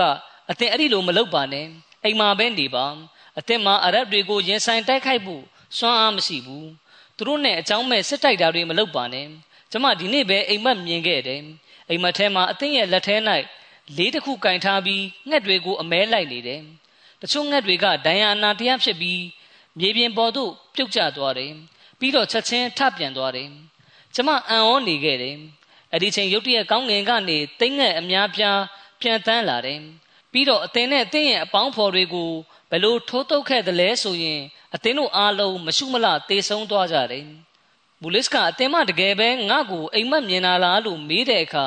ဇနီးဖြစ်သူကဟုတ်တယ်။တိငယ်ကအသင်ကိုအလွန်ပြင်းထန်စွာထိုးတုပ်နေတယ်။ ဒီနောက်အသင်သတိလက်မြင်မျောသွားတယ်ဆိုပြီးဖြေပါတယ်။ဒီစကားကိုကြားတော့ဘူလစ်ကမိမိဇနီးကိုပါရိုက်လိုက်ပါတယ်။အသင်မရဲ့နှလုံးသားထဲမှာအရဗ်တွေကိုကြောက်တဲ့စိတ်ကနေရာယူသွားခဲ့ပြီဘယ်လောက်တောင်လဲဆိုရင်အိမ်မက်မြင်တာတောင်ဒီလိုကြောက်စရာကိုပဲမြင်မှတ်တော့တဲ့အထိဖြစ်နေပြီမကြောက်နဲ့ယခုငါကိုယ်တိုင်အရဗ်တွေရဲ့ဦးစီးကောင်းဆောင်တွေကိုအသင်ရဲ့ကျွန်တွေဖြစ်လာအောင်လုပ်ပြမယ်မွတ်စလင်စစ်သည်တွေကိုစိတ်တွေဝတ်တွေကိုကြောင်းတဲ့သူတွေဖြစ်သွားအောင် လုပ်ပြမယ်ဆိုပြီးကြုံသွားပါတယ်ဘူလစ်ကအလင်းမြန်ပဲအစင်းနှင်း6000ခြေလျင်စစ်သည်တထောင်ကိုခေါ်ဆောင်လျက်မွတ်စလင်တွေကိုတိုက်ခိုက်ဖို့အတွက်ချီတက်ပါတော့တယ်အမျိုးသမီးတွေခလေးတွေဥစ္စာပစ္စည်းတွေနဲ့စီးအသုံးဆောင်တွေကိုယူဆောင်လာတဲ့အဘူအိုဘိုင်ဒါသခင်ဦးဆောင်တဲ့အစ္စလမ်စစ်သည်အင်အားတထောင်နောက်သို့လိုက်လာကြပါတယ်မွတ်စလင်တွေကလည်းစစ်တိုက်ဖို့အသင့်ဖြစ်နေခဲ့ပါပြီဒီလိုနဲ့တဖြည်းဖြည်းမယုံကြည်သူအုပ်စုရောက်လာပါတယ် အဲ့ဒီထဲမှာဘူလစ်ကအားလုံးရဲ့ရှေ့တန်းမှာရှိနေပါတယ်ဘူလစ်ကမိမိနဲ့အတူပါလာတဲ့စစ်သည်6000နဲ့အတူအဘူအိုဘိုင်ဒါနဲ့စစ်တပ်ကိုတိုက်ခိုက်ပါတယ်ဘူလစ်ရဲ့အကိုဘူတရုစ်ကခြေလျင်စစ်သည်တွေနဲ့အတူမွတ်စလင်အမျိုးသမီးတွေရှိရာဘက်သို့ဥတီတိုးလန်းသွားပါတယ်ဒီနောက်အမျိုးသမီးတွေထဲကတချို့ကိုဖမ်းဆီးပြီးဒမတ်စကတ်မြို့ကို ပြန်လာခဲ့ပါတယ်တနေရာရောက်တဲ့အခါမိမိရဲ့ညီကိုစောင့်ဆိုင်ဖို့ခိတ္တနားခိုပါတယ် အဘူအိုဘိုင်ဒါကဖြစ်ပျက်သွားတဲ့ဒုက္ခအခက်ခဲကိုမြင်ပြီးစစ်တီတန်းရဲ့နောက်ဆုံးမှာမိမိနေရာယူမယ်ဆိုတဲ့ခါလစ်ရဲ့အကြံဉာဏ်ကမှန်တယ်ဆိုပြီးပြောပါတယ်ဒီမှာယခုအမျိုးသမီးတွေကလေးတွေငိုယိုနေကြတယ်တစ်ဖက်မှာမွတ်စလင်စစ်သည်ဆောင်ကရဲရင်စွာတိုက်ပွဲဝင်နေကြပြီဆိုပြီးပြောပါတယ်ဘူလစ်ကအဘူအိုဘိုင်ဒါကိုအချိန်ချင်းတိုက်ခိုက်တယ်လို့တခင်ကလည်းအပြင်းထန်ပြန်လဲတိုက်ခိုက်ပါတယ် ဆာလ်တခင်ကအပြေးမြန်နဲ့မြင်းကိုစီးနှင်းလျက်ခါလစ်တခင်ထံသွားပြီးအကြောင်းစုံကိုပြောပြလိုက်ပါတယ်ခါလစ်တခင်ကအင်နာလလာရွတ်ဖတ်ပါတယ်တခင်ကရာဖင်နဲ့အဗ်ဒူရဟမန်ဘင်အော့ဖ်ကိုအမျိုးသမီးတွေနဲ့ကလေးတွေကိုကာကွယ်ဖို့အတွက်စစ်သည်တထောင်ပေးလျက်ထွက်ခွာစေပါတယ်ဒီနောက်ဒရာသခင်ကိုစစ်သည်တထောင်ပေးလျက်ထွက်ခွာစေပြီးခါလစ်သခင်ကိုယ်တိုင်ကလည်းစစ်တပ်ကိုခေါ်လျက်ရန်သူတွေကိုရင်ဆိုင်ဖို့ထွက်ခွာသွားခဲ့ပါတယ်ထိုစဉ်အဘူအိုဘိုင်ဒါသခင်က ပိုလစ်ရဲ့စစ်တပ်ကိုတိုက်ခိုက်ပြီးစစ်ပွဲရဲအာယုံရောက်နေပါတယ်အဲ့ဒီချိန်မှာဒေတာအသီးသီးကနေထွက်ခွာလာတဲ့မွတ်စလင်စစ်သည်တွေရောက်ရှိလာပါတယ်မွတ်စလင်တွေကဘယ်လောက်တောင်တိုက်ခိုက်တယ်လဲဆိုရင်ဒမတ်စကတ်သားတွေနဲ့အတူတိုက်ခိုက်ဖို့ရောက်လာကြတဲ့ယောမသားတွေကမိမိတို့ပျက်စီးမြေခသွားမဲ့အရေးကိုယုံကြည်သွားကြပါတော့တယ်။တရာတခင်ကမီလီယံတစ်ခုပမာဘူလစ်စီယာတို့တဟုန်ထိုးပြေးဝင်ပါတယ်။ တရာသခင်ကိုတွေ့တဲ့အခါဘူလစ်ကမှတ်မိသိရှိသွားပြီးမြင်းပေါ်ကနေခုန်ဆင်းကထွက်ပြေးပါတော့တယ်။တရာသခင်ကသူ့နောက်ကိုလိုက်ပြီးသူ့ကိုအရှင်ဖမ်းဆီးလိုက်နိုင်ပါတယ်။အဲ့ဒီစစ်ပွဲမှာကာဖာစစ်သည်6000တဲကစစ်သည်100လောက်သာအသက်ရှင်ကြံ့ရိတ်ခဲ့ပါတယ်။တရာသခင်ကမိမိရဲ့ညမခေါလာဖမ်းဆီးခံလိုက်ရတဲ့အတွက်စိုးရင်ပူပန်နေပါတယ်။ဒီခါမှာခါလစ်သခင်ကမစိုးရင်ပါနဲ့။ကျွန်ုပ်တို့ရဲ့အမျိုးသမီးတွေခလေးတွေအလွယ်တကူလွတ်မြောက်နိုင်ဖို့အတွက် ယခုကျွန်ုပ်တို့တို့ရဲ့လူတွေကိုဖမ်းဆီးထားနိုင်လိုက်ပြီပဲ။ခါလစ်သခင်ကစစ်သည်2000ကိုမိမိနဲ့အတူခေါ်လျက်ကျန်တဲ့စစ်သည်တွေကိုအမျိုးသမီးတွေနဲ့ခလေးတွေကိုကာကွယ်စောင့်ရှောက်ဖို့အဘူအိုဘိုင်ဒါထံမှအနံလိုက်ပါတယ်။ခါလစ်သခင်ကိုယ်တိုင်ကတော့ဖမ်းဆီးခံထားရတဲ့အမျိုးသမီးတွေကိုရှာဖွေဖို့ထွက်ခွာသွားပါတယ်ခါလစ်သခင်ကမွတ်စလင်အမျိုးသမီးတွေကိုဖမ်းဆီးထားတဲ့နေရာကိုခြေလျင်ပဲမြ мян ဆန်ဆန်သွားခဲ့ပါတယ်အဲ့ဒီနေရာကိုရောက်တော့ဖုန်တထောင်းထောင်းထနေတာကိုတွေ့လိုက်ရပါတယ် ဒီခါမှာခါလစ်သခင်ကဒီနေရာမှာဘာကြောင့်တိုက်ပွဲဖြစ်ပွားနေတာလဲဆိုပြီးအံ့ဩသွားပါတယ်စုံစမ်းကြည့်တဲ့အခါဘူလစ်ရဲ့အကိုဘူတရုစ်ကအမျိုးသမီးတွေကိုဖမ်းဆီးလျက်တနေရာရောက်မှမိမိရဲ့ညီဖြစ်သူဘူလစ်ကိုစောင့်ဆိုင်ဖို့တထောင်နားနေတာဖြစ်ကြောင်းသိလိုက်ရပါတယ်။သူ့ရဲ့စစ်သည်တွေကအမျိုးသမီးတွေကြားမှာဖြန့်ချက်စောင့်ကြည့်နေပါတယ်။ဘူတရုစ်ကခေါလာကိုရည်ညွှန်းလျက်သူမဟာကျွန်ုပ်တို့ဖြစ်တယ်ဆိုပြီးပြောပါတယ်။ဘူတရုစ်က အမျိုးသမီးတွေကိုရွက်ဖြင့်တဲတစ်ခုမှာအကျဉ်းချဖမ်းဆီးထားပြီးသူကိုယ်တိုင်ကတော့တတောင့်တတနားနေလျက်ဘူလစ်အလာကိုစောင့်ဆိုင်နေပါတယ်။အမျိုးသမီးတွေထဲမှာရဲရင်ပြီးမြင်းစည်းကျွမ်းကျင်တဲ့အမျိုးသမီးအများစုလည်းပါဝင်ပါတယ်။သူမတို့ဟာစစ်ပွဲအားလုံးအကြောင်းကိုလည်းသိကြပါတယ်။သူတို့အချင်းချင်းစုယုံကြတဲ့အခါခေါလာကအမျိုးသမီးတွေအားလုံးကိုကြီးညွှန်းလျက်အခုလိုပြောပါတယ်။အိုဟေမီယာမျိုးနွယ်စုမှတမီးတို့ အိုတိုဘာမျိုးနွယ်စုတို့၏အမွေခံတို့ယောမစစ်သားတွေကအသင်မတို့ကိုခြေကြုံအစေခံတွေအဖြစ်ပြုလုပ်မှာကိုလူလားကြသလိုအသင်မတို့ရဲ့ရဲစွမ်းတတိရှိမှုတွေဘယ်ရောက်သွားကြပြီလဲအရဗ်တွေရဲ့စကပိုင်းတွေမှာပြောစမှတ်ပြုကြရတဲ့အသင်မတို့ရဲ့မခံကျင်စိတ်တွေဘာဖြစ်သွားကြပြီလဲဝမ်းနဲ့ဖွယ်ကောင်းပေစွာအသင်မတို့ရဲ့မခံကျင်စိတ်နဲ့ရဲစွမ်းတတိရှိမှုတို့ဘတိမ်မြုပ်ပျောက်ကွယ်သွားပြီကို ကျမမြင်နေရတယ် အခုဆက်ရောက်လာမဲ့ဒုက္ခအခက်ခဲထက်အသင်မတို့တည်သွားတာကမှပိုကောင်းသေးတယ်ဒီစကားကိုကြားတဲ့အခါတာဝိကာမတဦးကအိုးခေါလာအသင်မပြောသမျှအရာအလုံးအမှန်တရားသာလင်ဖြစ်ပါတယ်ဒါပေမဲ့ယခုကျမတို့အားလုံးအကျဉ်းချနေကြတာဖြစ်တယ်ကျမတို့မှာထက်လာတဲ့ဓာလည်းမရှိသလိုတိုက်ခိုက်ဖို့စင်မြင့်တော်၎င်းစစ်လက်နက်တော်၎င်းမရှိဘူးကျမတို့ဘယ်လိုလုပ်တိုက်ခိုက်ကြမလဲ၎ င်းတို့ကကျမတို့ကိုရုတ်တရက်ဖမ်းဆီးလိုက်ကြခြင်းဖြစ်တယ်ဆိုပြီးဖြေပါတယ်ဒီခါခောက်လာကနုံနုံကြကြရှိလုံးရွက်ဖြင်တဲရဲ့တစ်တိုင်တွေကျမတို့အနားမှာရှိနေတယ်တစ်တိုင်တွေကိုကင်ဆွဲပြီးဒီအမျိုးရုပ်တွေကိုတိုက်ခိုက်ကြမယ်နောက်ပိုင်းဖြစ်လာမယ့်အရေးကိစ္စပေါ်မှာအလရှမြတ်ဖဇလ်ကျေးဇူးပြုပေးတော်မူပါလိမ့်မယ်အကယ်၍ကျမတို့ကလွှမ်းမိုးအနိုင်ရခဲ့သည်ဖြစ်စေရှိတ်ဖြစ်တေဆုံးခဲ့သည်ဖြစ်စေအလရှမြတ်ရဲ့အလိုတော်ပါပဲဆိုပြီးပြောပါတယ် ဒီခါမှာမျိုးသမီးတိုင်းကရွက်ရှင်တဲကတစ်သားဒုတ်တွေကိုကင်ဆွဲလိုက်ပါတယ်ခေါလာကလည်းတစ်သားဒုတ်တစ်ချောင်းကိုပခုံးပေါ်တင်ပြီးရှေ့မှာရပ်လိုက်ပါတယ်ခေါလာကမိမိလက်အောက်မှာရှိတဲ့အမျိုးသမီးတွေကိုအတင်မတို့အားလုံးတဦးနဲ့တဦးတန်ကြိုးကွင်းဆက်ပမာအားလုံးအတူတကွစူးစီးလိုက်ကြပါတကွဲတပြားမဖြစ်ပါစေနဲ့ဒီလိုမဟုတ်ရင်အတင်မတို့အားလုံးအသက်ခံကြရလိမ့်မယ်ဆိုပြီးပြောကြပါတယ် ဒီနောက်မှာခေါလာကရှေ့သို့တဟုန်ထိုးတက်သွားပြီးမယုံကြည်သူယောမစစ်တီတဦးကိုရိုက်နှက်တပ်ဖြတ်လိုက်ပါတယ်ယောမစစ်တီတွေကအမျိုးသမီးတွေရဲ့ရဲစွမ်းတတိကိုမြင်ပြီးအံ့ဩတုန်လှုပ်နေကြပါတယ်ဘုတရုစ်ကအိုးကန်ဆိုးမတို့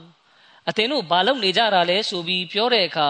အမျိုးသမီးတဦးကဒီနေ့အသင်တို့အားလုံးရဲ့အုံနောက်ကိုဒီတသားတုပ်တွေနဲ့တက်မှတ်ပေးဖို့စိတ်ပိုင်းဖြတ်ကြပြီးဖြစ်တယ်ပြီးတော့အသင်တို့အားလုံးကိုတတ်ပြီး ကျမတို့ဘိုးဘေးတွေရဲ့ဂုံတိတ်ခါကိုကာကွယ်ကြမယ်ဆိုပြီးပြောလိုက်ပါတယ်ဘုဒ္ဓရုစ်ကမိမိရဲ့စစ်တီတွေကိုသူမတို့အားလုံးကိုအရှင်ဖမ်းလိုက်ကြအထူးသဖြင့်ခေါလာကိုအရှင်ဖမ်းနိုင်ဖို့အထူးဂရုစိုက်ပါဆိုပြီးအမိန်ပေးလိုက်ပါတယ်လေးဘက်လေးရန်ကနေယောမစစ်တီဥယေ3000ကပတ်လဲဝိုင်းရန်ထားပေမယ်ဘယ်သူကမှမျိုးသမီးတွေရှိတဲ့နေရာကိုမလာရဲကြပါဘူး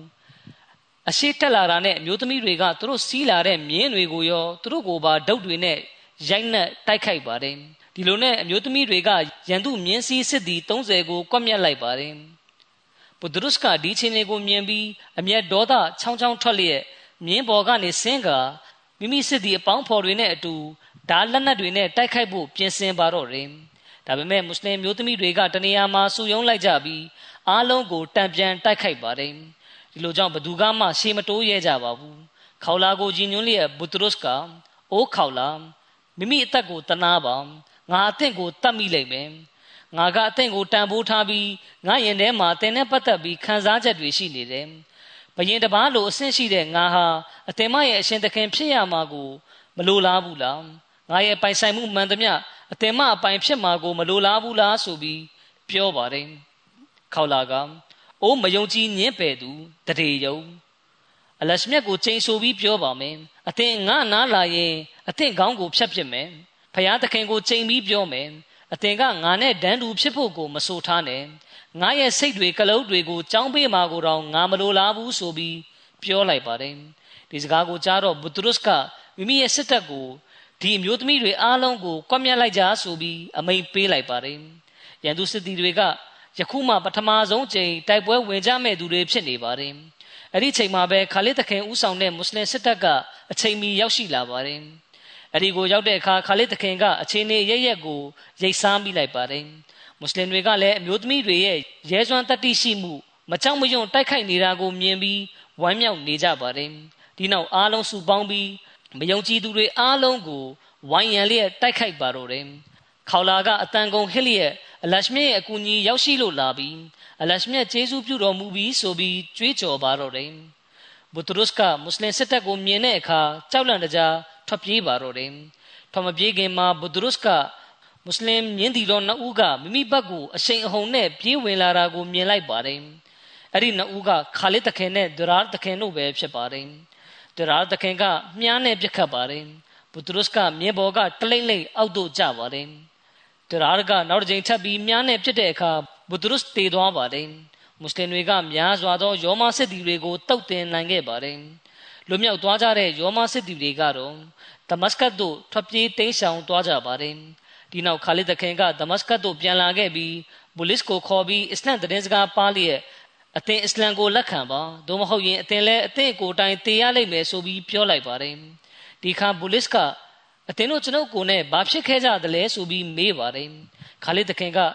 ကျွန်ုပ်တို့သူ့ကိုတတ်လိုက်ပြီဆိုပြီးပြောလိုက်ပါတယ်ပိုလစ်ကမိမိကိုရဲ့ညီကုန်းမလားမှုကိုကြားရပြီးဘဝဆိုတာဘာမှပျော်ရွှင်စရာမရှိဘူးကျွန်ုပ်ကိုလည်းကျွန်ုပ်အကိုဖြစ်သူနဲ့စုံစည်းခွင့်ပေးပါဆိုပြီးပြောပါတယ်ဒီလိုနဲ့ပိုလစ်လည်းကွက်မြက်ခံလိုက်ရပါတယ်မိတို့ဆိုစဉ်မွတ်စလင်စစ်တပ်ကအဂျနာတိုင်းမှာစုယုံခဲ့ပုံကြောင်းနဲ့ဆက်နွယ်တယ်အသေးစိတ်ချက်လက်ကိုတင်ပြခဲ့ပြီးဖြစ်ပါတယ်ဒုတိယကြိမ်ထပ်ပြီးဒမတ်စကတ်ကိုထပ်မံဝိုင်းရန်ပိတ်ဆို့ခဲ့ပါတယ် ဒီစစ်ပွဲဆင်နွှဲပြီးနောက်မှာခါလစ်တခင်ကဒမတ်စကတ်ကိုထပ်မံဝိုင်းရန်ပိတ်ဆို့ခဲ့ခြင်းအကြောင်းနဲ့ပတ်သက်ပြီးရေးသားဖော်ပြပါတယ်အဂျနာတိုင်းကိုအောင်နိုင်ပြီးနောက်ခါလစ်တခင်ကအစ္စလမ်စစ်တပ်အားဒမတ်စကတ်ကိုဒုတိယကြိမ်ထပ်ပြီးဝိုင်းရန်ပိတ်ဆို့ဖို့အတွက်ဆစ်လွတ်ခဲ့ပါတယ်ဒမတ်စကတ်သားတွေကအဂျနာတိုင်းမှာယောမသားတွေစစ်ရှုံးခဲ့ခြင်းတရင်ကိုကြားသိခဲ့ပြီးဖြစ်ပါတယ်။ဒါပေမဲ့အစ္စလမ်စစ်တပ်ကဒမတ်စကတ်ဘက်ကိုခြိတက်လာပြီးဆိုတဲ့တရင်ကိုကြားသိရတဲ့အခါမှာတော့ ဒမတ်စကတ်မြို့သားတွေကကြောက်ရွံ့တုန်လှုပ်သွားပါတယ်။ဒီခါဒမတ်စကတ်မြို့နှံမှာနေထိုင်ကြသူအားလုံးကအပြင်းနေပြီးရဲတိုက်အတွင်းဝင်ရောက်ခိုလုံခဲ့ကြပါတယ်။ပြီးတော့ဒမတ်စကတ်သားတွေကရဲတိုက်အတွင်းမှာရိတ်ခါအလုံးလောက်ကိုစူးစီးလိုက်ကြပါတယ်။ဒီလိုအဖြစ်မွတ်စလင်တွေရဲ့ဝိုင်ယံပိတ်ဆို့မှုကာလရှည်လျားသွားခဲ့ရင်လည်းမိမိတို့စူးစီးထားတဲ့ရိတ်ခါတွေပစ္စည်းပစ္စယတွေမကုန်ခန်းသွားစေဖို့အတွက်ဖြစ်ပါတယ်။ဒါပြင်လက်နက်တွေနဲ့စစ်သုံးဆောင်ပစ္စည်းတွေကို စုဆောင်းထားခဲ့ပါတယ်။ရဲတိုက်တကဝအနားမှာတန်ချက်ကကြောက်ခဲဒိုင်းမြားလေးစတာတွေကိုလည်းပေးပို့ထားလိုက်ပါတယ်။ဒီလိုအဖြစ်ရဲတိုက်နိုင်ရန်တဝိုက်ဝိုင်ယံဖိတ်ဆို့လာမဲ့သူတွေကိုပြန်လည်တိုက်ခိုက်နိုင်ဖို့အတွက်ဖြစ်ပါတယ်။အစ္စလမ်စစ်တပ်ကဒမတ်စကတ်မြို့နီးမှာတပ်စခန်းချလိုက်ပါတယ်။ဒီနောက်အစ္စလမ်စစ်တပ်ကရှေ့တက်လျက်ရဲတိုက်ကိုဝိုင်းရန်ပိတ်ဆို့လိုက်ပါတယ်ခါလစ်တခင်ကဒမတ်စကတ်မြို့ရှိရဲတိုက်တကပေါက်တိုင်းမှာ စစ်ဦးစီးခေါင်းဆောင်တွေကိုမိမိစစ်တပ်နဲ့အတူစောင့်ကြပ်နေဖို့စေခိုင်းခဲ့ပါတယ်အဲ့ဒီချိန်ကဒမတ်စကတ်မြို့ရဲ့အကြီးအကဲကတိုမာဖြစ်ပါတယ်ဒမတ်စကတ်မြို့ရဲ့ခေါင်းဆောင်တွေဉာဏ်ပညာရှိသူတွေကတိုမာထံမှာကျွန်ုပ်တို့ထံမှာအစ္စလမ်စစ်တပ်ကိုရင်ဆိုင်တိုက်ခိုက်ဖို့စွမ်းအားမရှိဘူးဒီလိုကြောင့်ဟေရာကလီယက်စတန်ကစစ်ကူတောင်းရင်တောင်းဒါမှမဟုတ်မွတ်စလင်တွေနဲ့ပြည်ငြိမ်းမှုယူလိုက်တာအကောင်းဆုံးဖြစ်တယ်။ သူတို့တောင်းဆိုတာကိုပေးပြီးမိမိတို့ကိုယ်ကိုကာကွယ်တဲ့နယ်ဆိုပြီးအကြံပြုတင်ပြကြပါတယ်။ဒီအခါတိုမာကမာမာနထောင်လွှားလျက်ကျွန်ုပ်အရဗ်တွေကိုဘာအဆင်းမှမရှိဘူးလို့မှတ်ယူထားတယ်။ကျွန်ုပ်ဟာဧကရစ်မင်းမြတ်ဟီရာကလီယက်ရဲ့တမန်လဲဖြစ်စီရေးအတွေ့အကြုံကောင်းစွာရှိသူလည်းဖြစ်တယ်။ကျွန်ုပ်ရှိနေသမျှကာလပတ်လုံးမွတ်စလင်တွေဒမတ်စကတ်မြို့မှာခြေမချရဲစေရဘူးဆိုပြီးမော်ကြွားပြောဆိုပါတယ်။ဒမတ်စကတ်ရှိခေါင်းဆောင်တွေကိုစိတ်ကျေနပ်စေဖို့အတွက်တိုမာက များမချမီဟီရာကလီယက်စတန်ကကြီးမားတဲ့စစ်တပ်တစ်ခုကျွန်ုပ်တို့ကိုစစ်ကူပေးဖို့ခြိတက်လာနေကြပြီဆိုပြီးအယုံသွင်းခဲ့ပါတယ်။တိုမာကမွတ်စလင်တွေကိုအဖက်ဖက်ကနေအပြင်းထန်တိုက်ခိုက်ဖို့အတွက်အမိန်ပေးလိုက်ပါတယ်။တိုက်ပွဲဖြစ်ပွားနေစဉ်အတွင်းမှာမွတ်စလင်အတော်များများဒဏ်ရာရခဲ့ပြီးများစွာရှဟစ်ဖြစ်သေဆုံးခဲ့ပါတယ်။အဘန်ဘင်ဆာအီတခင်ကိုလည်းအစိတ်လူးထားတဲ့မြားနဲ့ပြစ်ခတ်ခဲ့ပါတယ်။တခင်ကမြားကိုဆွဲထုတ်ပြီးနောက်ဒဏ်ရာကိုအဝတ်နဲ့စီးနှောင်ခဲ့ပါတယ် ခဏကြာမှစိတ်ကခန္ဓာကိုယ်အနှံ့ကိုပြန့်နှံ့သွားတာကြောင့်သတိလစ်ပြီးလဲကျသွားခဲ့ပါတယ်ခဏကြာမှပဲအဘန်ရှိဖြစ်ကွယ်လွန်သွားခဲ့ပါတယ်အဘန်တခင်ကအဂျနာတိုင်းစစ်ပွဲကာလမှာအုမေအဘန်နဲ့ထိမ်းမြလက်ထပ်ခဲ့ခြင်းဖြစ်ပါတယ်သူလက်မှာဆိုးထားတဲ့ဒန်းရောင်နဲ့သပင်မှာလိမ့်ကြံထားတဲ့ရနံ့ကတောင်ကြံရှိနေပါသေးတယ်ဆိုလိုတာကအသစ်ဆက်ဆက်ထိမ်းများလက်ထက်ကားစပဲရှိပါသေးတယ်။အိုမေအဘန်တခင်မကအရဗ်ရှိ အလွန်တူရတတိရှိလာတဲ့အမျိုးသမီးတွေထဲကတဦးဖြစ်ပါတယ်။သူမကဂျီဟတ်ဆင်နွှဲဖို့အမြဲတမ်းရှေ့တန်းကနေပါဝင်သူဖြစ်ပါတယ်။သူမကမိမိခင်မွန်းရှိတ်ဖြစ်တဲ့တဲ့ရင်ကိုကြားတဲ့အခါတရင်တရင်နဲ့ပြေးလာပြီးမိမိခင်မွန်းရဲ့ရုပ်ကလပ်ရှိမှာတီးခံမြဲမြံစွာရက်လိုက်ပါတယ်။သူမရဲ့နှုတ်ကနေအလရှမြတ်ကိုကျေးဇူးမသိတတ်တဲ့စကလုံးတလုံးမှမထွက်ခဲ့ပါဘူးဒီနောက်မိမိခင်မွန်းကွယ်လွန်ခြင်းအတွက်ကြပြတချို့ရေရွတ်ခဲ့ပါတယ်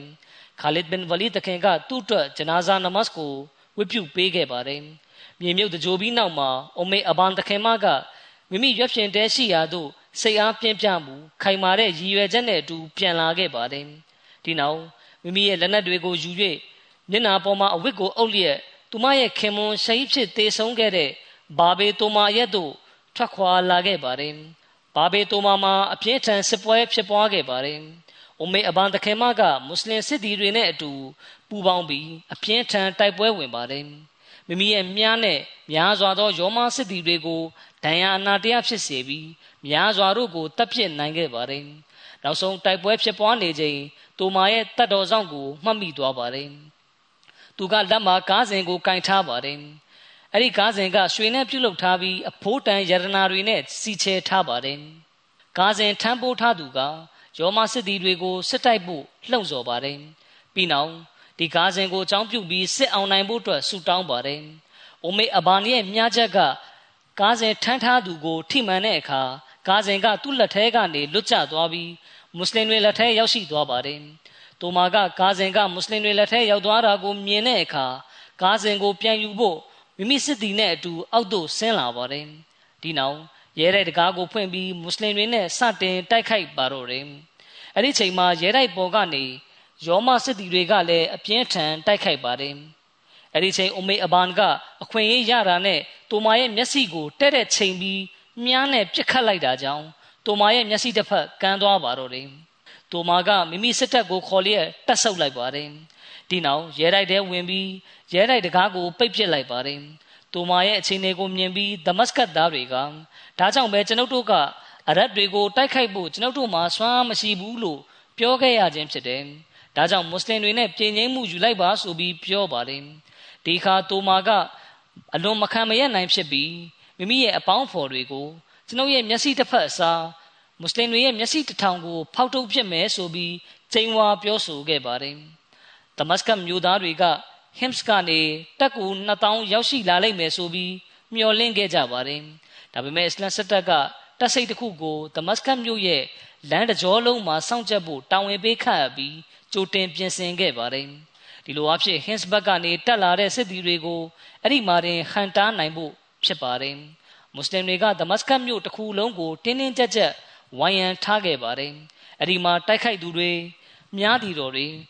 ဒိုင်းကင်သူတွေအားဖြင့်ရန်သူတွေကိုကောင်းကောင်းဖိအားပေးနိုင်ခဲ့ပါတယ်။ဒမတ်စကတ်မြို့သားတွေက မိမိတို့ထံစစ်ကူမရောက်နိုင်တော့ဘူးဆိုတာယုံကြည်သွားတဲ့အခါသူတို့တွင်းမှာအားနည်းမှုတွေသူရဲဘောကြောင်မှုတွေဖြစ်ပေါ်လာကြပါတယ်။ရွရွချွန်ချွန်တိုက်ပွဲဝင်စိတ်ကိုဆွန့်လွတ်ပြီးမွတ်စလင်တွေထံမှခိုလုံခွင့်ယူဖို့စိတ်အားထက်သန်နေခဲ့ပါတယ်။ဒမတ်စကတ်သားတွေကယာဒီဥဒုအေးလွန်းတာကြောင့်မွတ်စလင်တွေကရက်ရှည်လာများမိမိတို့ကိုဝိုင်းရန်ပိတ်ဆို့ဖို့ခံနိုင်ရရှိလိမ့်မှာမဟုတ်ဘူးဆိုပြီးထင်နေခဲ့ပါတယ်။ဒါပေမဲ့မွတ်စလင်တွေကယာဒီဥဒုကိုအန်တုပြီး ရဲစွမ်းတတိရှိစွာရွရွချွန်ချွန်တိုက်ပွဲဝင်ခဲ့ပါတယ်။မွတ်စလင်တွေကဒမတ်စကတ်မြို့ရှိ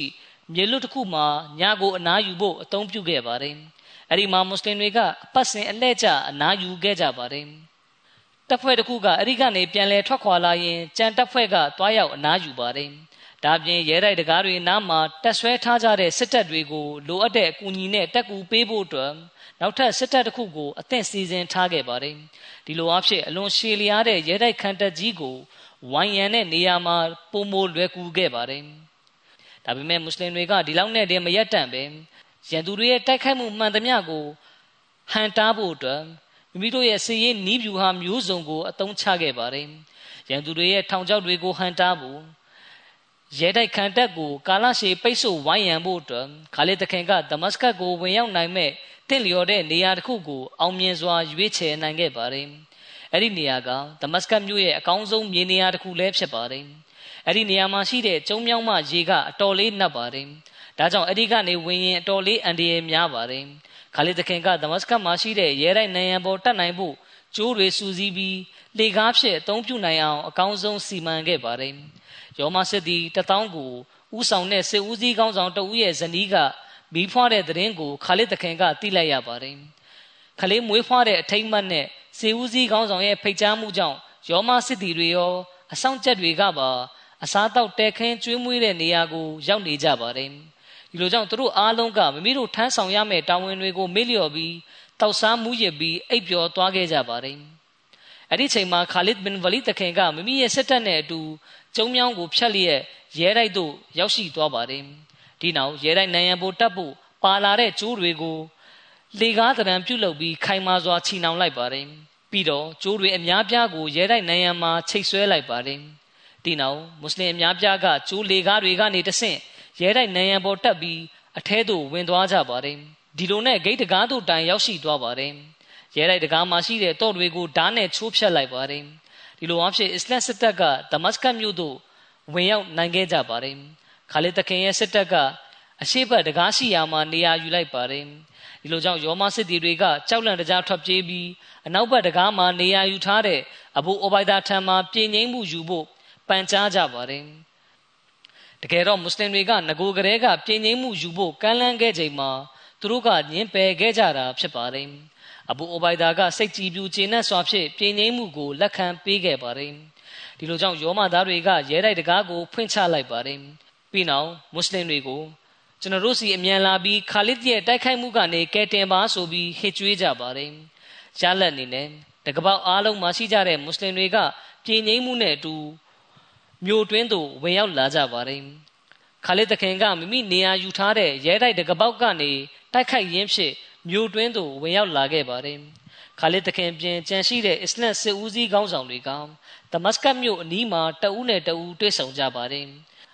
ခါလစ်တခင်ကဒမတ်စကတ်မြို့ကိုကာလတစ်ခုတိုင်တိုက်ခိုက်ပြီးအောင်နိုင်ခဲ့ပေမယ့်အဘူအိုဘိုင်ဒါကပြည်ငိမ့်မှုကိုလက်ခံလိုက်ချိန်မှာတော့ဒေသအသီးသီးမှာပြည်ငိမ့်ရေးစည်းကမ်းချက်တွေကိုအတိပေးဖြန့်ချီခဲ့ပါတယ်။တချို့တမိုင်းချမ်းပြုဆရာတွေကဒမတ်စကတ်ကိုအောင်နိုင်ခြင်းကဥမာတခင်ရဲ့ခေတ်ကာလမှာဖြစ်ပွားခဲ့ကြောင်းဆိုကြပါတယ်။ဒါပေမဲ့ဒမတ်စကတ်စစ်ပွဲကအဘူဘကာဆစ်ဒီကရဒီအလာဟူအန်ဟူတခင်ရဲ့ခီလာဖတ်ကာလမှာ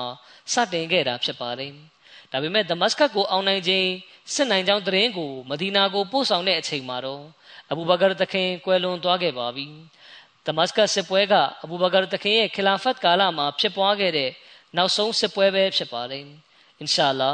အဘူဘကာတခင်ရဲ့ဘဝဖြစ်စဉ်တွေကကြံရှိတဲ့တချို့အချက်လက်တွေကိုနောင်ခါမှာဆက်လက်တင်ပြသွားပါမယ်။ယခုဆက်လက်ပြီးကွယ်လွန်သူတချို့အကြောင်းကိုတင်ပြပါမယ်။ကွယ်လွန်သူပထမပုဂ္ဂိုလ်ကမုကရန်အဘူအာကူဘ်ဆာဟစ်ဖြစ်ပါတယ်။ ဩဂုတ်လ9ရက်အသက်80အရွယ်မှာကွယ်လွန်သွားခြင်းဖြစ်ပါတယ်။အင်နာလ illah ဝအင်နာအီလာဟီရာဂျီအွန်သူကမြောက်ပါလက်စတိုင်းမှာဆာဒါဥခရအနေနဲ့တာဝန်ထမ်းဆောင်ခဲ့ပါတယ်။သူက2010ခုနှစ်မှာ MTA အဖြစ်အာမဒီယတ်ကျောင်းကိုလေ့လာခဲ့ပြီးနောက်အာမဒီယတ်ကိုလက်ခံခဲ့ခြင်းဖြစ်ပါတယ်။ကွယ်လွန်သူကအခက်ခဲမှန်သမျှကိုတီးခံတတ်သူဖြစ်ပါတယ်။ခီလာဖတ်ကိုအနိုင်မဲ့ချစ်မြတ်နိုးသူတဦးဖြစ်ပါတယ်။သူ့အိမ်ရဲ့အောက်ထပ်ကိုဂျမတ်တွတ်ဆွန့်လွတ်လူဒန်းခဲ့ပါတယ်။ အဲ့ဒီနေရာမှာဂျမတ်ဖွဲ့ဝင်တွေကလာရောက်ပြီးနမတ်ပြုကြသလိုအစီအစဉ်တွေကိုလည်းပြုလုပ်ကြပါတယ်။အာမဒီယတ်ကိုဆွန့်လွတ်ဖို့သူ့ကိုအတိုက်ခံပြောဆိုပေမယ့်သူကတစ္ဆာတည်ကြည်မှုကိုပြသခဲ့ပါတယ်။ဝေဖန်စောရကပြုသူတွေကိုနှုတ်ဆက်သွားတဲ့အထိအကြောင်းအရာတွေကိုကောင်းစွာဆွေးနွေးတင်ပြတတ်သူဖြစ်ပါတယ်။ယောဂခံစားနေရတဲ့နောက်ဆုံးအခြေအနေမှာလူတချို့ကသူ့ကို အာမဒီယတ်ကိုဆွန့်လွတ်လိုက်ပါဒါဆိုရင်အသင်ယောဂပျောက်သွားလိမ့်မယ်ဆိုပြီးပြောပါတယ်။ဒါပေမဲ့သူကလက်မခံဘဲအာမဒီယတ်မှန်ကန်ကြောင်းအခြေတင်ဆွေးနွေးပြောဆိုခဲ့ပါတယ်။သူကအလွန်ချစ်စရာကောင်းတဲ့ပုဂ္ဂိုလ်တစ်ဦးဖြစ်ပါတယ်။သူမှာဇနီးသား၃ယောက်နဲ့သမီး၄ယောက်ကျန်ရစ်ခဲ့ပါတယ်။ အလရှမြတ်အာမဒီမဖြစ်သေးတဲ့သူ့ရဲ့ကျန်ရင်သူမိသားစုကိုလည်းအာမဒီယတ်ကိုလက်ခံနိုင်စွမ်းပေးသနာတော်မူပါစေ။ကွယ်လွန်သူကိုလည်းတနာကျင်နာခွင့်လွတ်တော်မူလျက်သူ့ရဲ့နဝဉ္ဇဉ်ပိုင်းဆိုင်ရာဂုံဆင့်ကိုမြင့်တင်ပေးတော်မူပါစေ။ကွယ်လွန်သူဒုတိယပုဂ္ဂိုလ်ကရှိတ်နာဆာရာမဆာဟစ်ဖြစ်ပါတယ်။ပါကစ္စတန်နိုင်ငံမှာနေထိုင်သူဖြစ်ပါတယ်။ညာမချာမီကအသက်60ရွယ်မှာကွယ်လွန်ဆုံးပါသွားခြင်းဖြစ်ပါတယ်။အင်နာလ illah ဝအင်နာအီလာဟီရာဂျီအွန် သူကသူနေတဲ့မစ်တီဆိုတဲ့ဒေတာမှာပထမဆုံးအာမဒီတူဖြစ်ပါတယ်သူကငါးချိန်နမတ်ကိုဆွဲမြဲစွာဝတ်ပြုသူအဝတ်ချေပွန်သူခလာဖတ်ကိုအယူမူချစ်မြတ်နိုးသူတူဖြစ်ပါတယ်သူရဲ့တဘလစ်သာသနာပြုမှုကြောင့်လူအမြောင်များအာမဒီဖြစ်လာခဲ့ပါတယ်သူကဆန့်ကျင်မှုတန်းကိုအတော်လေးခံခဲ့ရပါတယ်သူသားသမီးတွေကိုအိမ်အောင်ပြုထိမ်းများတဲ့ကိစ္စမှာလည်းသူ့ကိုမိသားစုဝင်တွေကအမျိုးမျိုးဆန့်ကျင်မှုတွေပြုလုပ်ကြပါတယ် ဒီလိုရှိသည့်တိုင်နာဆစ်အမတ်ဆာဟစ်ကမိမိသားသမီးတွေအားလုံးကို အာမဒီတွေနဲ့ပဲထိမ်းများပေးခဲ့ပါတယ်သားသမီးတွေရဲ့တရဘီယတ်ပဲပြင်ထိမ့်သိမ်းရေးအပိုင်းကိုအထူးဂရုတမထားသူလည်းဖြစ်ပါတယ်စရုဒ္ဓခလီဖာသခင်ကြီးကိုရိုင်ကသူ့ကိုချီးမွမ်းလျက်